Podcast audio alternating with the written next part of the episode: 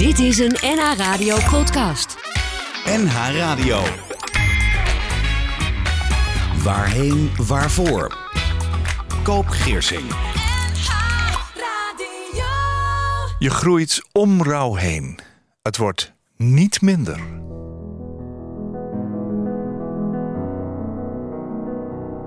Welkom bij weer een nieuwe aflevering in de inmiddels vijfde jaargang van dit radioprogramma en podcast Waarheen Waarvoor van NH Radio. Mijn naam is Koop Geersing en ik mag bij je zijn met een gast, de 189ste in deze reeks gesprekken die over leven en dood gaan, over verdriet en loslaten en vandaag over rouw en de daarbij behorende pijn. Mijn gast heeft op haar 22e haar moeder verloren aan uitgezaaide borstkanker. Inmiddels is zij een kleine tien jaar verder en ze heeft het gevoel dat haar rouwproces de afgelopen jaren veel meer ruimte heeft gekregen.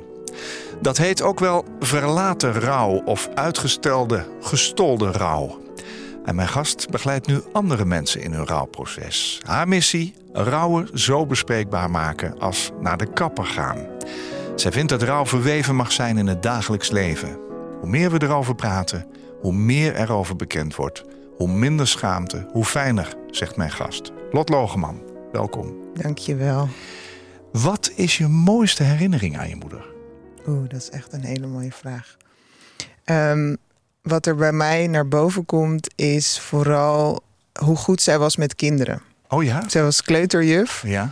En uh, ja, groep 1 en 2, dus kids van 4, Ja. 5, 6 jaar jong, laat Ja. ik het zo zeggen. Klein. En eh, ja, die waren allemaal gek op haar. Dus als ik daar af en toe was in haar klas, ehm, ja, dan. Ja, haar, haar instinct, dat was gewoon haar moederinstinct, denk Ja. ik, om daarmee te werken. En ja. dat zijn wel hele mooie herinneringen. En van vroeger, dat we bij de AWAS altijd gekke liedjes zongen. En nou ja, dat soort- Samen? Hoe was jullie gezin samengesteld? Ehm, we waren met z'n vieren. Mijn vader, mijn moeder, mijn broer, oudere broer en ik. Eh, later zijn mijn ouders gescheiden, dus ik weet niet precies wanneer die herinneringen natuurlijk zijn. Nee. Eh, maar in mijn herinnering is het vooral mijn moeder, mijn broer en ik met z'n drietjes. Ja. Ja. Ja. Dus eh, ja. Dus je denkt niet in eerste instantie aan eh, de pijn, het laatste stuk, het verdriet. Nee. Je denkt aan mooie dingen. Ja, en dat is ook wat ik graag mensen wil, waarmee wil helpen om die mooie Ja. herinneringen wat meer kracht te geven. Ja. Tuurlijk, er is heel veel pijn en verdriet. En, en tuurlijk komt er bij mij ook af en toe flashbacks naar de laatste tijd dat mijn moeder geleefd heeft. Ja. En die mogen er ook zijn. Die zijn verdrietig, die zijn ook eng soms zelfs. Ja, hoezo? Ehm, nou ja, als je iemand zo ziet, ja, aftakelen is misschien het goede woord. Dat dat gebeurde. Dat, ja, dat vind ik best wel spannend soms om aan te denken. En de laatste dagen. En ik vond dat heel spannend, Ja. de laatste dagen. Mhm. Maar juist doordat ik die laatste dagen ook kan omarmen, tussen haakjes zeg maar, ehm, komen de mooie herinneringen ook weer naar boven. En dat is wat ik zo graag wil uitdragen. Dat als je naar de donkere stukken kan kijken, Ja. Dat je ook de mooie Ja, herinneringen ik het. krijgt. Maar het is ook wel mooi dat je eigenlijk zegt dat het verleden niet per se dat ziekteproces is, maar ook juist en vooral die mooie dingen. Dat is de laatste Ja. tijd. Want ik denk dat ik hiervoor dus heel erg aanhikte tegen die Tegen donkere. donkere, ja. zeker. En dat omdat ik daar niet. Nou, ik wil niet zeggen niet heen durfde. Ik wist gewoon niet hoe het moest eigenlijk. Nee. Ik ben daar liever in mezelf voor mezelf Ja, in geworden. Niet, ja. Ja, daardoor waren de mooie herinneringen er ook niet. Dus ik moest door wat laagjes heen. Ook Ja. door wat boosheid, door wat verdriet, door nou ja, whatever er allemaal Hoort erbij, hè? ja, bij komt Ja. kijken. ja. Ehm, door dan ook weer die mooie herinneringen en vooral die liefde weer te kunnen voelen. En eh, ja, daar ben ik wel eh, heel blij mee dat dat eh, zo gelopen is. Waar was je boos op? Ik was vooral boos. De la- dat is nu een tijd geleden hoor. Maar ik was vooral boos dat mijn moeder niet goed, beter voor zichzelf had gezorgd. Boos op haar. Ja, ja zeker. Ja. Ja, het is misschien Wat een, had ze niet goed gedaan dan? eh, v- Wat, wat in mijn boosheid? in mijn optiek had ze beter voor zichzelf kunnen zorgen door meer over emoties te praten. Of door ehm, niet te roken. Of door minder te drinken. Ze, was niet, ze zorgde niet heel erg goed voor zichzelf. En eh, daar ben ik wel een tijdje boos. eh, En ebt dat dan weg, die boosheid? Op een gegeven moment denk je op een gegeven moment van... ach, waar heb ik het over? Ja, je krijgt meer compassie voor iemand. En Oh ja. je gaat het meer in de bigger picture zien van, of in het grotere plaatje van, ja, dat, dat was gewoon zo. En ik kan er niks meer aan veranderen. Dus het heeft, het, de boosheid heeft nut gehad. Want ik denk dat die Ja. emotie onderbelicht is in rouw. Ehm, en ja, die heeft zijn taak gedaan. En misschien komt hij nog wel een keer terug, dat weet je niet. Boosheid is een emotie. Daarom. Ja. Spreek je wel eens met vriendinnen die iets soortgelijks hebben meegemaakt? Of mensen in ieder geval die je gesproken hebt waarvan je dacht van... goh, dat heeft mij ook wel gesteund in mijn gevoel, in mijn, mijn rouw misschien? Mm, Met andere woorden, klopt het bij jezelf? Want dat heb je ook bij anderen gehoord. Ja, ja, je hoort het wel bij andere mensen terug. Dus de boosheid en dat soort dingen. Maar ik denk nog steeds dat mensen. Ik vind het makkelijker om in mijn werk er nog over te praten Oh dan ja. privé, denk ik. Ik Ja? doe het wel. Ehm, maar dat omdat ik het zo lang niet heb gedaan, dus het is wat, wat je zei ook al tien jaar geleden, ehm, moet het nog wat op gang komen om dat echt heel veel in je privéleven ook eh, te doen Ja. denk ik. Ja. Ja. Dus ik zie het wel ook dat dat steeds meer gebeurt. Mhm. Eh, ook met mijn familie en alles. Dus eh, het is een heel mooi, een heel mooi proces. Ja, dat is wel een eh, reis die je aan het maken bent. Hè? Zeker. Ja. Hey, Ja. eh, Lot, hoe verliep haar ziekteproces? En, en hoe ben jij daarbij betrokken geweest? Ehm, ik, ja, ik, die, die, die periode is altijd een beetje nog warrig in mijn hoofd. Maar ik weet nog dat ehm, zij mij opbelde. Ik was op werk. En eh, dat ze me vertelde dat er een knobbeltje in haar borst was gevonden. Ehm, daarna eh, zijn we hier naar het Antonie van Leeuwenhoek ziekenhuis eh, geweest.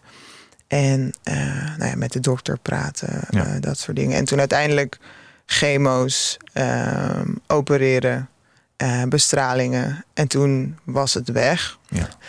Ehm, was ze even schoon. was ze even schoon. Ja. En toen is het na een jaar ongeveer weer teruggekomen. Heb je in dat jaar ehm, heb je dat weer een klein beetje weggezet? Zo van, Ja. nou, nu, is het achter, nu ligt het achter. Want jij was ook weer ging studeren. en Ja, zo. ik was, ik was 20, 21. Ja, dus en mijn, maar, leven. ja, ik was gewoon in mijn eerste jaar van mijn studie, fysiotherapie, Ja, hier ook in Amsterdam. En eh, ja, dat, dat ik wa- was jong. Dus, en er werd dus ook niet Ja. per se heel erg serieus over gesproken. Dus Nee. de- we deden de handelingen wel, de processen. ja. Eh, ik was daar ook heel nauw bij betrokken. Ik ging altijd met mijn moeder mee naar het ziekenhuis. En ik was daar wel heel erg eh, bij, zeg maar. Ehm, maar ja, da- Nee, maar daarnaast goed. ging ik gewoon studeren en naar de Ja. kroeg, laat ik het zo ja zeggen. je, je leven gaat verder. En toen zij schoon was, dacht je, fijn, dat, dat ligt achter ons. Ja. Ja. Ja. Wat gebeurde er toen het toch weer terugkwam met je? Ehm, ja, ik, ik weet precies. Dit is wel één herinnering die heel, denk ik, altijd bij me blijft. Is dat we naar het ziekenhuis gingen en het was terug en het zat overal. Dus het was uitgezaaid. Nog zeg erger maar. Ja, het was heel Ja. erg. Ehm, en ik dacht, we gaan gewoon weer dezelfde molen door. Ja. Chemo's, eh, opereren. Nou ja, het hele eh rattenplan. Maar dat, dat, was, dat, dat gebeurde niet. Dus ik kan me nog heel goed herinneren dat ik alleen het ziekenhuis uitliep.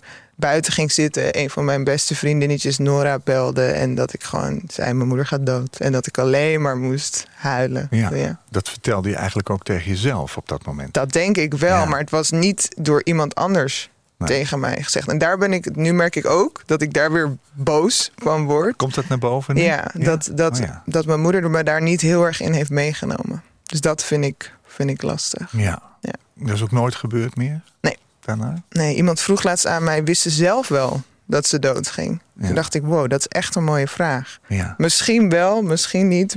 Ik kan het niet meer Dat is een vragen. open eindje eigenlijk. Maar ehm, dat is wel, vond ik wel een hele bijzondere vraag. Ja, die, die werd ik. aan mij gesteld. Mijn gast in deze aflevering van Waarheen Waarvoor is Lot Logeman. En het is inderdaad alweer een tijdje geleden dat haar moeder is overleden. Lot begeleidt mensen die net als zij rouw kennen en de pijn voelen. Dat doet zij met coaching en yoga. En op haar website lotlogeman.com schrijft zij over de rouw om haar moeder.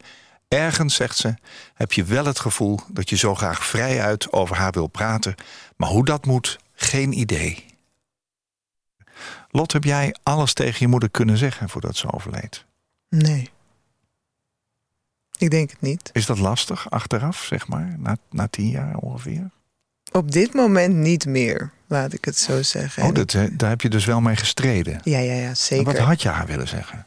Ehm, ik heb het ook nog tegen haar gezegd. Ik geloof zeg maar erin dat zij met mij meegroeit. Ja. Dus waar dan ook. Ja, Eh, na dus, haar overleden heb je ja, dat nog dus ik, ik, Ja. ik voel, voel dat ze nog ergens aanwezig is. Dus ik heb, ik denk, nou ja, maakt ook niet uit wanneer. Ik heb een keer opgeschreven van wat ik nog tegen haar had willen zeggen. En ehm Was dat heel privé of wil je dat met ons delen? Ik denk dat het wel mooi is om te delen, want dat kan andere mensen misschien ook helpen. Maar ehm, wat ik tegen haar wilde zeggen, gewoon hoe lief ik er vond en Ah. dat ik van haar hield en dat ik vooral er nog langer bij me had willen hebben. En ehm, ik heb zeg maar het afscheid heb ik een soort van opnieuw met mezelf beleefd, als ik het zo kan het noemen. overgedaan. Ja, Ja. met mezelf. Eh, ik, eh, ik schrijf veel. ja. En af en toe heb ik zo'n momentje dat ik even met mijn moeder ga zitten tussen haakjes. En eh, Heb je bij haar leven wel eens tegen haar gezegd dat je van haar houdt? ik ben er op een gegeven moment mee begonnen. Ja. Al als ik dan wegging, was ik, ik. Als ik dan wegging, zei ik. Hou van je, doei. Of dan Oh, ja. gaf ik haar een kus. Ja, Of ja. whatever. Ja. Dus dat was in het begin niet heel veel. Maar op een gegeven moment, rond puberteit of iets daarna, toen was het wel van. Ja, ik wil gewoon tegen je zeggen dat ik van je hou. Dus ik heb dat wel. Ik heb dat wel gedaan. En ik heb het denk ik vooral zonder woorden gezegd. Ook in haar laatste dagen ben ik, heb ik letterlijk naast haar geslapen. Dus ik denk dat dat voor mij heel veel eh, heeft gebracht om zo dichtbij iemand te zijn die, nou ja, er niet zo goed over kan praten, om het zo te zeggen, Nee. maar wel in gevoelswereld. Ja. Ehm, Zij kon heel goed met kinderen, hè? dat Ja. vertelde je al. Hè? Stond voor de klas. En, en ehm, in jullie gezin had je veel plezier, maar ontweek ze een beetje de serieuze dingen. Begrijp ik dat goed? ja, zeker. Ja. ja. Ja. ja, Dus je hebt dat ook niet echt aangeleerd. hè? nee, totaal niet. Nee. Is dat ook een inhaalrace geweest na haar overlijden? Kwam je erachter dat dat belangrijk voor je was? Ja, zeker. ja. Ja, ja, ja, ja. Wat herinner je nog van... Hoe heet je moeder? Marijke. Dat heb ik nog helemaal niet Maakt gevraagd. niet uit. Nee. Nou, we hebben haar naam even laten vallen. Wat herinner je nog van haar uitvaart? Vooral dat er heel veel kinderen waren. En dat het. Van dat- de school? Ja, van school, Ja. haar kinderen uit haar Ja. klas en andere jaren. Want iedereen kwam altijd weer terug. Hé hey Marijke, hallo, ik ben er weer. Ik heb een mooie rekensom gemaakt. I don't know. Eh, vooral dat. En eh, ik kan me heel goed herinneren dat het heel mooi weer was. Het was bloedheet. Het was eh, volgens mij 8, 8 juli. En eh, ja, ik, ik heb gespeecht. En ik was, ja, ik heb, ik weet niet of ik gehuild heb. Dat weet ik niet eens meer. Maar ik kan me gewoon, ik heb, ze hebben ook foto's gemaakt. Dus die heb ik ook wel af en toe Ja. eh, teruggekeken. Maar ik kan me herinneren dat ik heel, nou ja, statisch was. Is dat een woord? Dat je niet, ik was niet heel erg in touch met mijn emoties. Nee. Het was meer ja. van, ik moet hier staan. Ik Ja. moet sterk zijn. Ik moet, Het was, je zat in de regelmodus waarschijnlijk. Dat hoor je wel vaker, Ja, dat hoor je zeker vaker. Was het een crematie of een begrafenis? begrafenis. Ga je nog wel eens naar het graf? Het is hier eh, op Sint Barbara. eh, hier bij het Westerpark in Amsterdam. En eh, het is wel mooi om te vertellen. haar kleuters hebben ook een grafsteen ja, voor haar gemaakt in mozaïek. Dus die ligt op het graf. Dus dat is heel Oh, ja. dierbaar. Want dat waren ook ja, haar schatjes. En Ja. daar deed ze alles voor. Ehm, dus ja, ik ga af en toe nog wel. Maar het, was niet, het is niet voor haar. Want dat hoefden we niet per se van mijn moeder. Dat is wel bijzonder dat je dat zegt. Ik, ik hoor in mijn dagelijkse omgeving mensen ook wel zeggen van ja, maar ik ga toch nooit naar het graf van mijn vader of mijn moeder, want wat heb ik daar te zoeken? Wat Mm. vind jij daar? Ik vind het heel fijn dat ik die plek heb. Je loopt Ja. er naartoe, je wandelt daar wat. En- Ik voel nog van de. Ik, ik herleef altijd een klein stukje ook Oh ja? van de. Van de eh, uitvaart. En ik zie die foto's door mijn hoofd gaan. En ja, ik, ik vind dat altijd wel een mooi ja, ritueel eigenlijk. Ja. Om, om daarheen te gaan bloemen Ja. mee te nemen. Op bepaalde dagen of op dagen dat het gewoon... Ga je heel- alleen? Neem je iemand mee? Ik ga heel vaak alleen. Ja, ik ga heel vaak alleen. En als je daar bent, wat doe je dan? Ehm, dat ligt eraan. Soms een beetje schrijven, soms een Je beetje... gaat, gaat ook even zitten. ga gewoon, ik ga gewoon Ja. in kleermakers zitten, voor mijn moeder Ja, zitten. ja, Ik vind het heel fijn om tegen haar te kletsen. ja.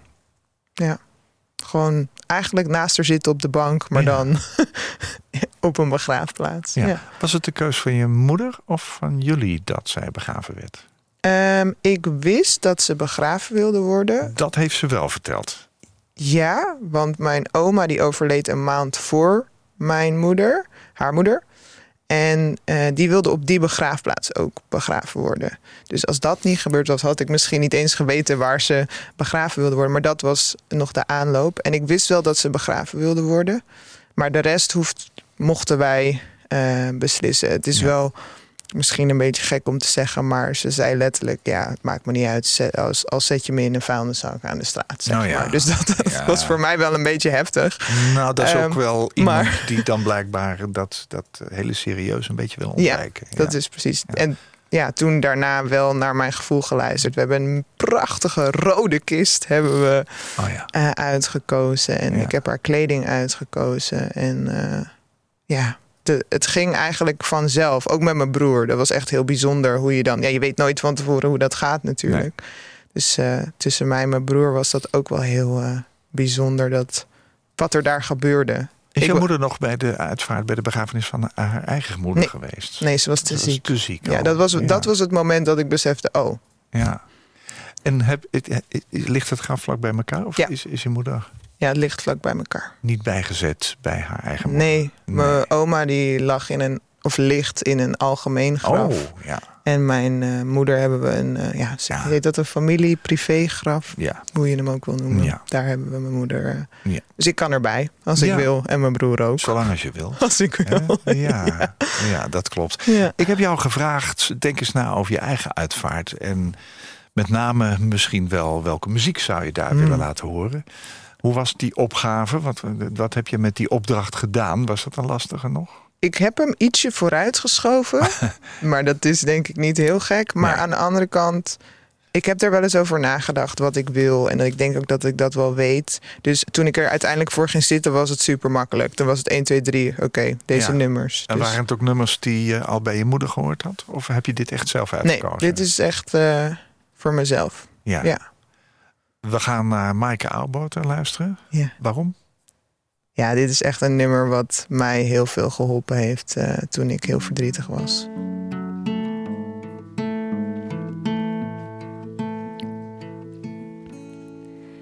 Je kust me, je sust me, omhelst me, gerust me.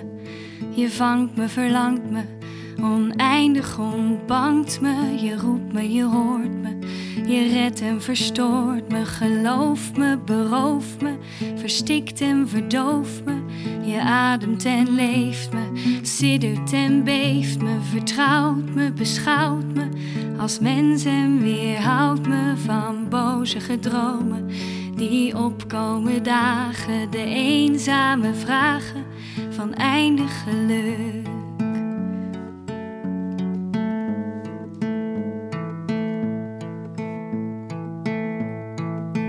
Met je krullen als nacht, hoe je praat, hoe je lacht, hoe je stem zo dichtbij als een engel verzacht.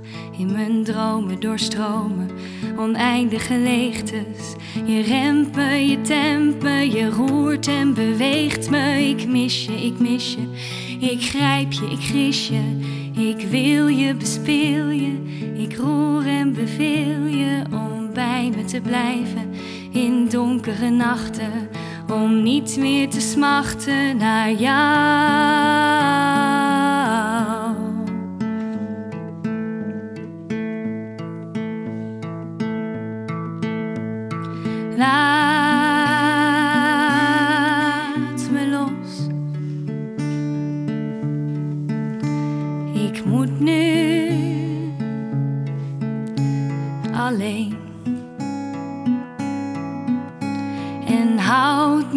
Als het nodig is. In gedachten en ik zoek je in alles om me heen. Maar al denk ik soms dat het zo beter is. Kan ik het niet helpen dat ik je soms mis? Oh, ik smoor je, bevroor je, verlos en verloor je. Weg naar een andere plek, maar ik hoor je, omarm je, verwarm je. Ik zie je en voel je, ik aai je, ik streel je, ik knuffel en kroel je. Je rijdt me, begrijpt me, verward en misleidt me. Het schrikt me soms af hoeveel ik op je lijk nu. Mijn glimlach, mijn tranen, mijn liefde, mijn beleven. Het spijt me van alles, kom help en bevrijd me.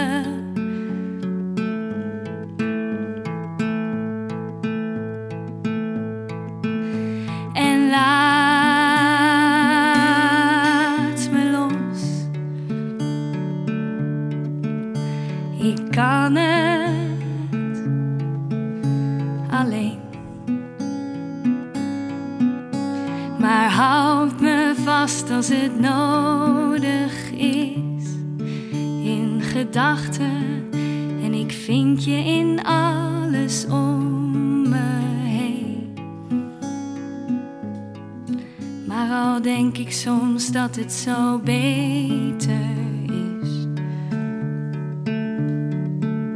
Kan ik het niet helpen dat ik je soms mis? Ik kus je, ik zus je, ik doof en ik blus je. Je blijft heel dicht bij me, maar in mijn hoofd rust je.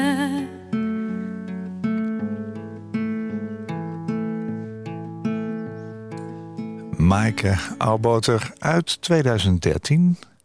Was dat niet het jaar dat je moeder overleed? Klopt. Ja. Ja. Zij schreef het lied naar aanleiding van de dood van haar ouders. Dat ik je mis. Ik hoor het regelmatig klinken bij een afscheid. En de woorden komen recht uit Maaike's hart. Maar ze raken jou recht in jouw hart, zie ik. De tranen op je wangen staan. Ja. ja. Ja. Zojuist zei je, ik, ik weet eigenlijk niet of ik gehuild heb hè, bij de Mhm. uitvaart van mijn moeder. Maar nu doe je het wel. Ja. Wat raakt jou zo in dit liedje? Eh, vooral het deel van laat me los. Ik moet nu alleen. Ehm, omdat dat heel in mijn gevoelswereld heel tegenstrijdig is. Want je wil niet iemand los. Of ik in ieder geval kan natuurlijk alleen voor mezelf. Ik wil haar niet loslaten. Maar ik weet dat het nodig is voor mijzelf om verder te komen. Hoofd en hart, hè? Ja. Ja. Ja. Hoofd versus hart. Ja. Mijn hoofd wil niet. Nee. Nee, nee, nee, nee. nee. nee. Je zegt over de periode na het overlijden van je moeder. Ik was wel aan het rouwen, maar laten we eerlijk zijn, ik was meer bezig met jong zijn. Lekker met vrienden de kroeg in. En dat heb je net ook al even verteld. En het gewone studentenleven leiden. Hoe zag het rouwen van jou er in het begin uit? Zo, als ik het net beschreef? Ja. Het, het was. eh, Ja, het was er wel waarschijnlijk, maar het was er niet. Ik heb dat. Ja, gewoon wegge, weggeduwd. Ja, logisch ook. Ja, Het is ook niet fijn. nee. Wanneer ging het heel erg pijn doen? Mm. ik denk toen ik van studie naar werkende leven ging. Het ging allemaal niet heel soepel, laat ik het zo zeggen. Nee? Wat Nou, gebeurde er dan? Nou, ik denk al in mijn studie misschien wel bij een van de laatste stages. Dat was ook in het ziekenhuis. Ja, dat was gewoon heel confronterend. Je maakte weer dingen opnieuw mee. Ja, ik heb, ik heb achteraf gezien wel dingen opgezocht. Maar ik zeg maar opgezocht als in... Ik wilde heel graag rouwen. Dat klinkt ook misschien gek, maar dat, dat is wel een, een, een zin Waarom die... is dat gek dan? Nou ja, voor mij... Schaam je ervoor? Ik, ik denk dat ik me daar wel Oh ja? tijd voor... Nou, ja, wel voor. Dat er heel veel schaamte op lag. En eh, ja, ik, ik wist niet hoe ik moest huilen. Ik wist niet hoe ik om hulp moest vragen. Ik wist, nou ja, niet zo goed hoe die kant van, eh, van het leven eruit Dat heb mocht je ook zien. niet geleerd. dus. Nee. nee. Ehm, dus ik, ik heb dat met heel veel ja, omwegen heb ik dat proberen weg te stoppen aan de ene kant. Maar ik wilde het ook opzoeken. Want ik ging in het ziekenhuis stage lopen. En ik ging, nou ja, dingen lezen. En ik, maar het was altijd een soort van strijd met jong zijn en rouwen. En Ja. nou ja, dat, ik voelde niet dat dat er allebei kon zijn. Ehm, maar uiteindelijk, ja, moest het er gewoon zijn. Omdat, ja, de- dat, ik wist het, vond het lastig om eh, diepe relaties aan te gaan. Dat soort dingen. Je merkt op een gegeven moment dat het niet op alle vlakken lekker loopt. Laat Nee. ik het zo zeggen. Ja, ja, ja. Ja. Je noemt jezelf een kind van gescheiden ouders. Hè? Vertel je al eventjes. Jouw vader is na de scheiding ehm, in Duitsland gaan wonen. Dat, dat is ook verlies. Ja. Dat ben je ook kwijt. Hè? Ja. Wat is de invloed van die scheiding geweest op jouw leven? Want wanneer was dat ongeveer? Dat was toen ik elf was. Ja, zeg maar. Groep 7, dat we Ja. zoiets. Net was- voor de middelbare school. Het was net het jaar 2000 geweest, zeg maar. Ja, 2001 zoiets. 2001, ja, ja. ja. De invloed daarvan. Ja, een heel. Nou, omdat je net vertelt, eh, ja, ik kan niet echt een, een hele diepe relatie, tenminste toen niet eh, aangaan. Had dat met die scheiding te maken ergens? ik je- denk het wel. Ja, ik, ik, ik leed gewoon een. Of leed, ik eh, leidde gewoon een heel dubbel leven vaak. Bij de een kon ik niet over de een praten. En bij de ander niet per se over de ander. Dat gevoel had ik. Ja, Ehm, dat is tegenwoordig heel anders. Dus ik voel dat niet meer zo. tegenwoordig in jouw leven. Ja, dus eh, dat is ja, dat Ja. is niet. eh, Nog contact met je vader? ja, Ja. ja, ja, ja. Ja, woont hij nog in Duitsland? Ja, Dat is eigenlijk ook een rouw, hè? Van wat mij nu achteraf gezien. Nou, ja, zeker. zeker. zeker. ja. Hoe heb je dat gevoeld? Mm, ik heb daar. Ja, je bent jong. Dus eh, je wordt beïnvloed door je ouders natuurlijk. Eh, mijn moeder was heel boos. Eh, ook wegstoppen. Dus ik, ik denk niet dat dat. Een beetje op eieren lopen of zo. Ja, zeker. Dat is wel een mooie, mooie bewoording. Ja, nou daarvoor, ja. Jij spreekt zelf eh, ergens op je website over eh, verlaten rouw. Hm. Wanneer voelde je dat voor het eerst? Dat je echt dacht van, nou, maar wacht even, hier moet ik iets mee gaan doen. Ja, een aantal jaar geleden, denk ik. Het was eerst, eh, dat is wel mooi om te vertellen. Ik was eerst door het proces aan het gaan met mijn vader. Dus eigenlijk de scheiding verwerken. Wat het effect daarvan is dat iemand in een ander land gaat wonen. Eh, wat het effect is dat je moeder daar ook niet over praat. Dus heel erg dat zelfonderzoek van ja, wie ben ik nou eigenlijk en Ja. wat vind ik belangrijk? En toen was er uiteindelijk kwam er ruimte voor het verlies van mijn moeder. Ja. Dus die bedding moest eerst een beetje wat stabieler worden voordat ik zeg maar naar die rouw kon gaan eh, van het overlijden van mijn moeder. En ik merk gewoon heel erg dat ik. Je kan het verlaten rouw noemen, maar voor mij voelt het alsof dit precies is zoals het moest gaan. Ja. En dus ik, het is een, een, een, een, een, een benaming die je noemt verlaten rouw, omdat het niet gelijk na de uitvaart is. Maar aan de andere kant denk ik, ja, ik had het niet anders kunnen doen. Nee. Dus Nee. dit is mijn, mijn pad. En er, Ik vraag wel vaker aan gasten, wat is rouw voor jou? ja.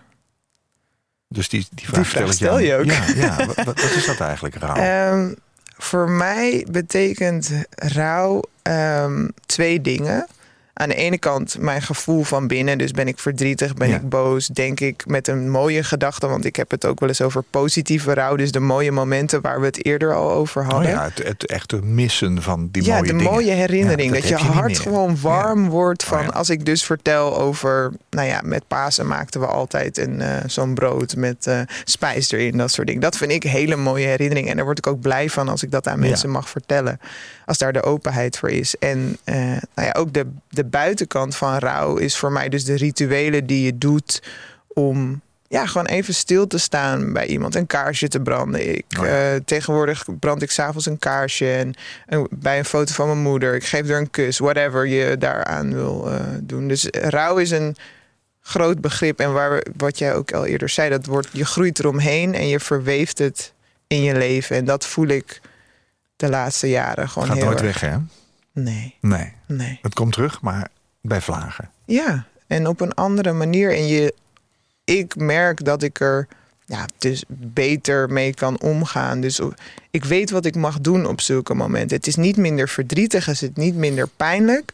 Maar je weet dat het, als je er aan toegeeft, dat het dan ook ja, eerder over is dan dat je het wegduwt. Dat Ja. is mijn ervaring. Ja. Kun je ook weer heel gelukkig zijn? Ja, ja, dat is wel mooi. Ja, er zijn wel echt weer momenten dat ik denk, het leven is gewe- geweldig. Ja. Ja, Nou, dat mag ook toch? ja, Ja. ja. We hebben net eh Maaike Oudboter gehoord. Hè? Dat heeft je nogal geraakt, dat ik je mis. Ik vroeg nou, neem nou twee, drie liedjes mee. Drie altijd. Ehm, het tweede liedje, dat ehm, voelt als een van jouw favoriete liedjes... als je te hard wil gaan en even rustig aan mag doen. Kun je eens vertellen waarom je voor dit liedje gekozen hebt? Ja, zeker. Ehm, ik denk dat het een liedje is dat echt van mij is. Dat ik, niet van mij, maar dat ik, dat ik dit echt een tof nummer vind. En ik heb vroeger nooit echt uitgekomen voor wat ik toffe nummers vind of wat mijn mening is. Maar dit is een nummer wat ik gewoon heel erg fijn vind. En als ik het hoor, dan denk ik, ja, dit gaat soms wel over mij. Ja? Ja. Oké, Vienna, Billy Joel.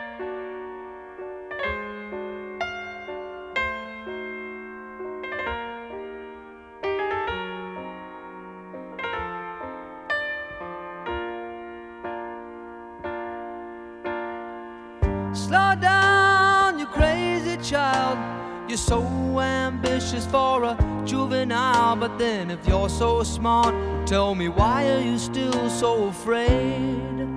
Mm.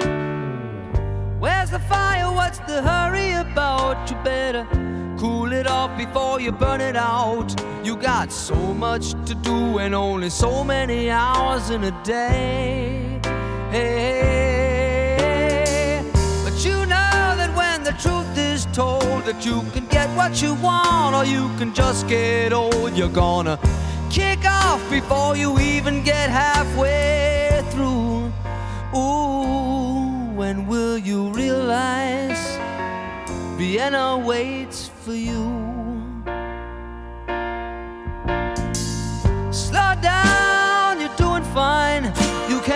Everything you wanna be before your time. Although it's so romantic on the borderline tonight, tonight.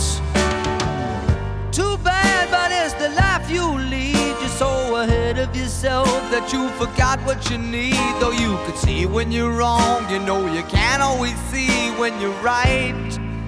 You're right. Your pride. But don't you know that only fools are satisfied? Dream on, but don't imagine they'll all come true.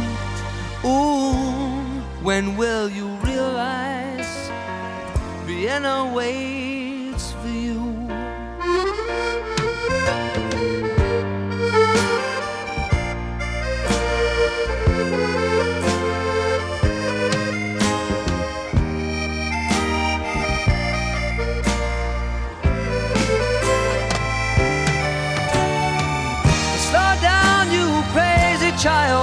take the phone off the hook and disappear for a while.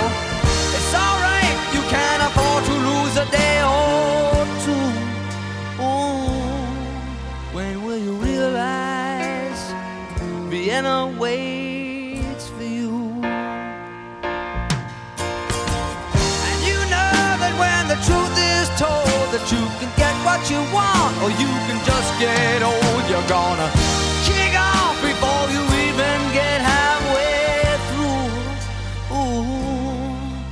don't you realize Vienna waits for you? When will you realize Vienna waits for you?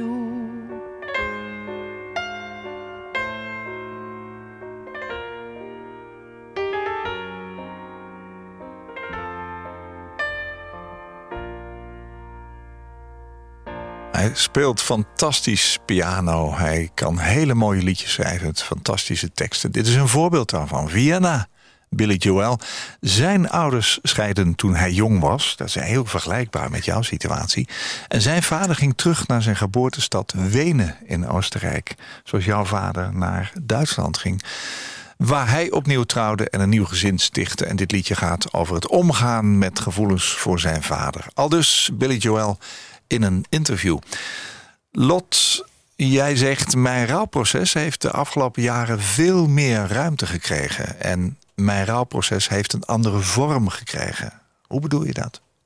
Mm, ik bedoel vooral dat ik nu kan voelen wat ik nodig heb in een rouwproces. Ik kan natuurlijk niet voor iemand anders spreken, maar ik ben veel meer gaan doen wie ik ben en wat ik wil in plaats van wat ik denk dat van mij verwacht wordt. Oh, dat is hem. Ja. Ja, en op Ja. die manier sta je ook anders in het, ja, zeg maar, omgaan met het verdriet. Heel over anders. Heel, moeder heel en over de scheiding van je Ja. ouders. Ja. Nou ja, dat naar die eh, begraafplaats gaan helpt denk ik ook wel. Ja. Ja, ik heb het minder nodig. Ja. Dat is wel mooi ook om te benoemen. Ik had het eer, nou, niet nodig. Ik, eerst ging ik er vaker heen, dus ook op speciale Dat heb dagen. je toch nodig, denk ik. Ja, maar Dat nu, is- dat trekt dan. ja, het trekt soms, maar ik kan nu heel goed ook. Ik woon dus in Rotterdam en ik kan dus ook het meer bij mezelf zoeken, de rouw. If that makes any sense. Maar ik kan, hoef niet per se naar die plek toe. Ik vind het heel fijn om daar te Ja, zijn. Ja. Maar ik kan ook eh, in mijn woning iets doen. Een ritueel kan ja, overal. Ja, Ja, het ritueel van de begraafplaats is er één. ja, Maar het ritueel thuis, het kaarsje wat je al Ja. zei, aansteken. Ja. Je, je schrijft, ik, ik ben op reis gegaan in het begin hè, naar India en Bali... om te kijken wat er nog te ontdekken viel over mezelf. ja. Eh, wat heb je dan ontdekt hè, tussen dat slapen door? Want ik begrijp wel dat je uitgeput was. Ik was uitgeput. Ja, ja. Ehm, wat heb ik ontdekt tussendoor? ja, over jezelf.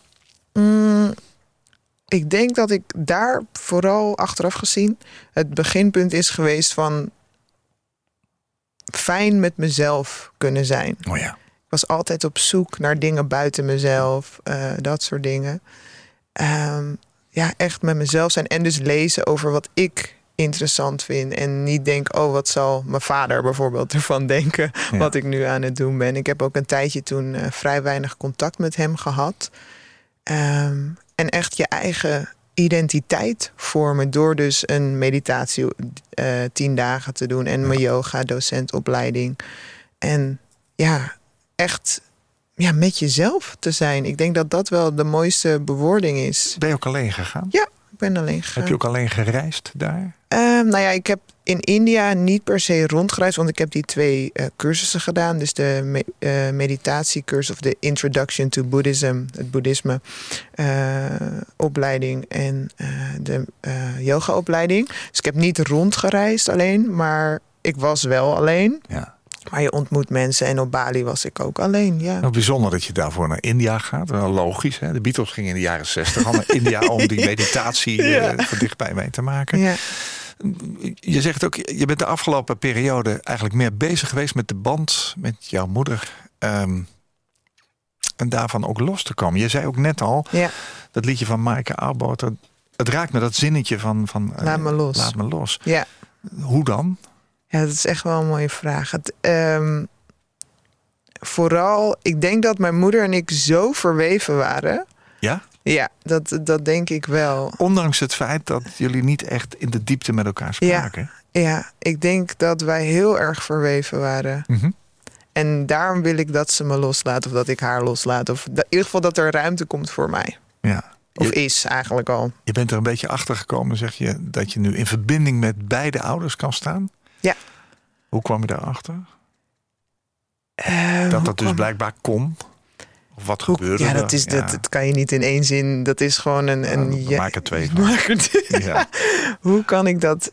Ja, Dat, dat kon dus voor die tijd niet en nu kan het wel. Ja, het was eerst heel erg verweven. Dus echt, ja, dat noemen ze dan symbiotisch, codependency. Ik weet niet welk woord je daar wil geven. Maar dat je nu in verbinding... Het, het voelt veel rustiger. Ik kan Ja. mezelf zijn. Ik kan mijn eigen emoties managen. Ik kan... Ja, ik voel me gewoon relaxed. Ja. Laat ik het zo zeggen. Ik hoef niet de hele tijd op te letten van... Nee. Niet voor mijn ouders te zorgen. Niet te denken, oh, ik kan dit niet tegen mijn moeder zeggen. Ik kan dit niet tegen mijn vader zeggen over mijn vader. Niet tegen mijn vader over mijn moeder. Nou ja, dat soort dingen. Ja. En ja, dat voelt gewoon heel prettig. Ja. Dat je gewoon op je eigen benen staat. Ja. En gewoon het leven met een, eigenlijk met een hele grote lach tegemoet ziet. En dat is ja, het Ja, gaat, dat is wel gaat mooi. shinen. Ja. Jouw vader kon ook niet alles tegen jou zeggen, hè? Mm, Want dan ga ik even naar dat derde liedje in het lijstje. ja. Ehm Billy Joel net, Maaike Oudboter. Maar je hebt ook een liedje van Herman van Veen. ja, Waarvan je zegt van ja, dit, dit liedje dat heeft mij in iets ook iets verteld. Ja. Leg eens uit hoe dat zat. Ehm, ja, mijn vader stuurde dit liedje op een gegeven moment naar me. En toen werd er voor mij heel veel duidelijk. zeg maar, dat ik dacht, oh, dus dit wilde je me misschien wel altijd vertellen, maar heb je nooit de ruimte of voor gevoeld? Of ik kan dat natuurlijk niet voor hem invullen. Ehm, maar voor mij was dat heel bijzonder om dat nummer te ontvangen. En dat ik dacht, oh ja. En ja, dat, ik denk dat daarvoor misschien of daarna het balletje is gaan rollen. Dat ik ook meer in gesprek met hem ben gegaan over wat voel ik voor jou en hoe willen we dat onze band is. En ja, dat is voor mij gewoon heel bijzonder om dat proces eh, mee te maken.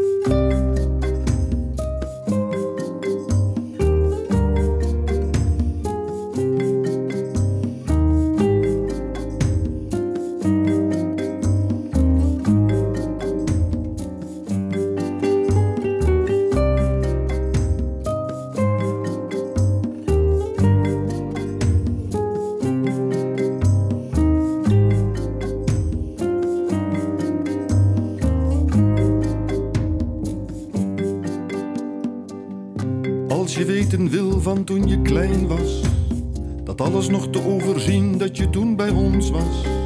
Dat wij uren op je kamertje, behangen en beschilderd, elkaar in de maling en de armen namen.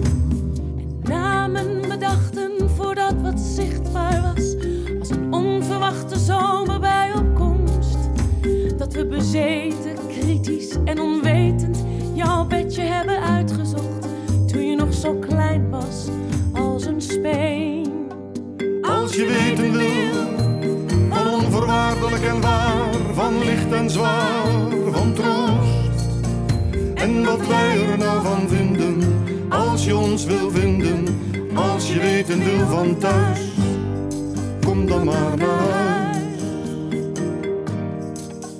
Als je weten wil van onvoorwaardelijk en waar, van licht en zwaar, van troost. En wat wij er nou van vinden, als je ons wil vinden, als je weten wil van thuis, kom dan maar naar huis.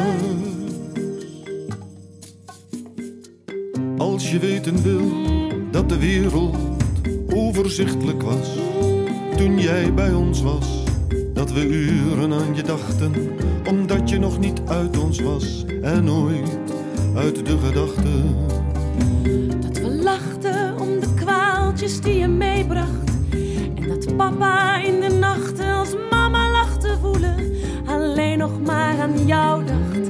Zijn grote handen de wacht hielden bij jouw huisje. Als je weten wil van onvoorwaardelijk en waar, van licht en zwaar, van troost. En wat wij er nou van vinden, als je ons wil vinden, als je weten wil van thuis, kom dan maar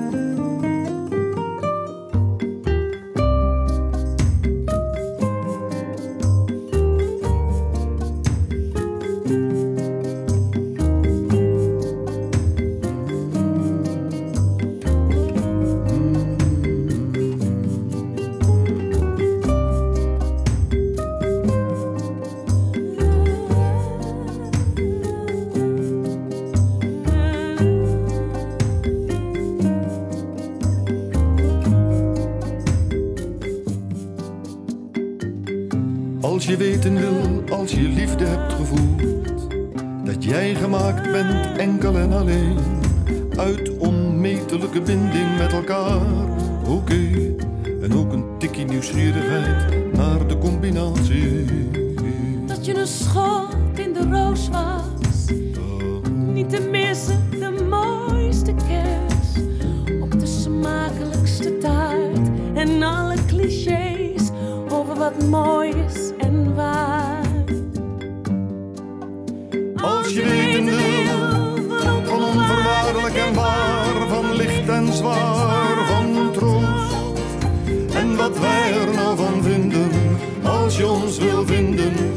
Als je weten wil van thuis, kom dan maar naar huis. Als je weten wil, van onvoorwaardelijk en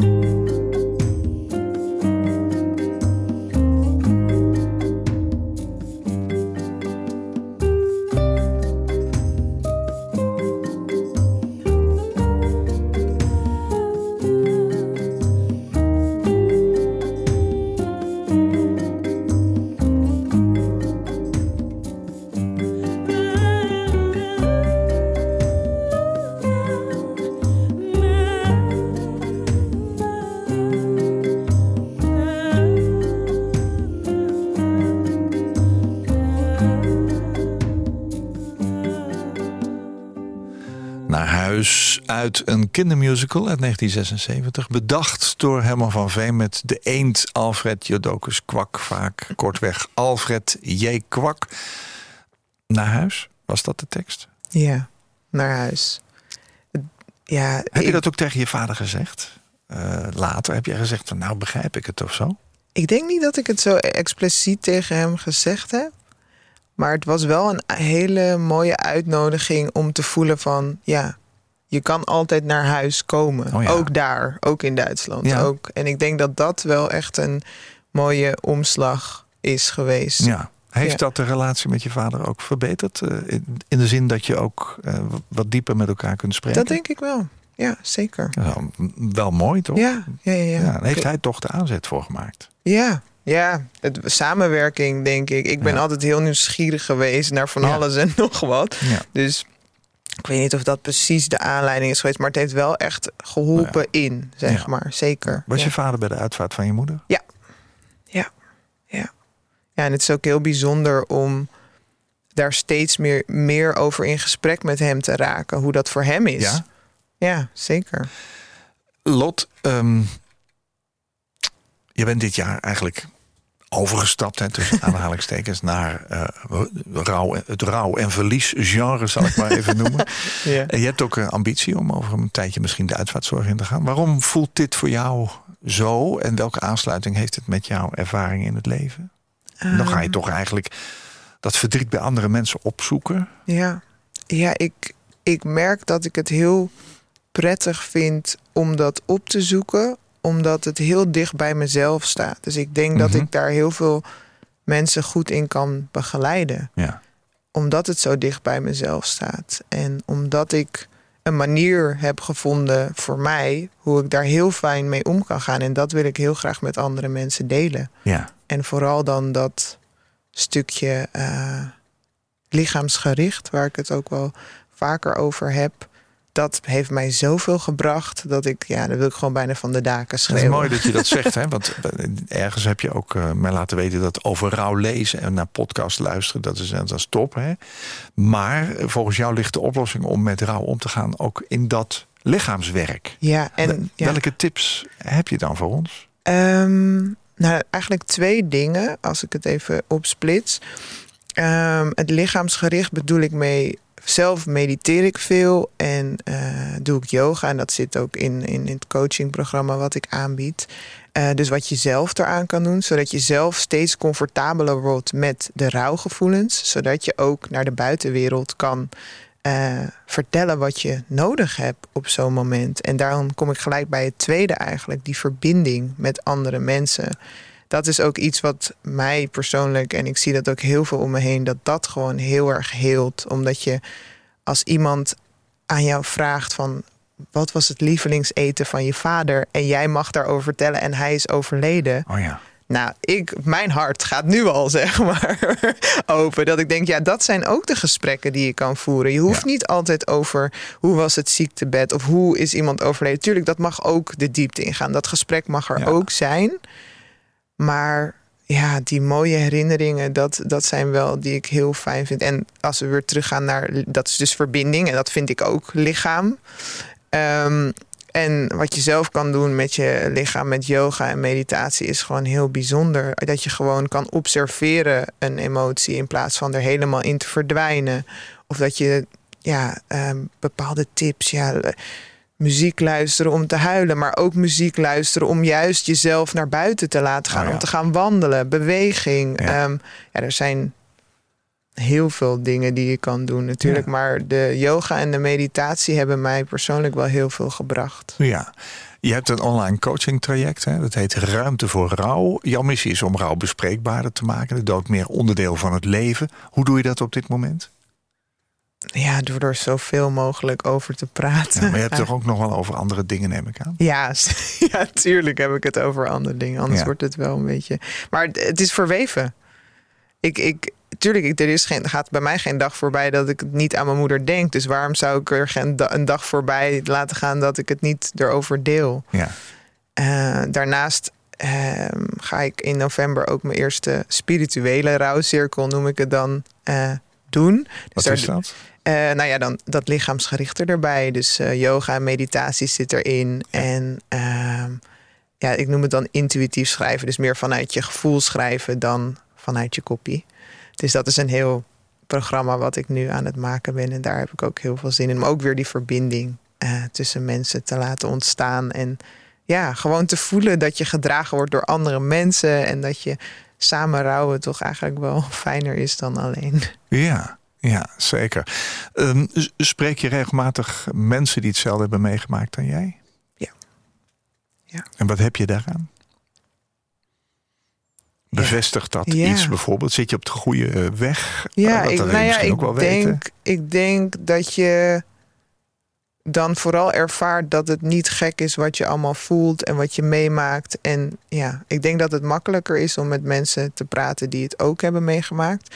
Maar nu ervaar ik, omdat ja, ik er gewoon heel comfortabel zelf mee ben, dat je ook mensen, andere mensen kan helpen die met iemand te maken hebben, heeft die rouwt, zeg maar. Ja. En dus dat is ook wat ik heel fijn vind om te doen. Ja. Ja. Ja.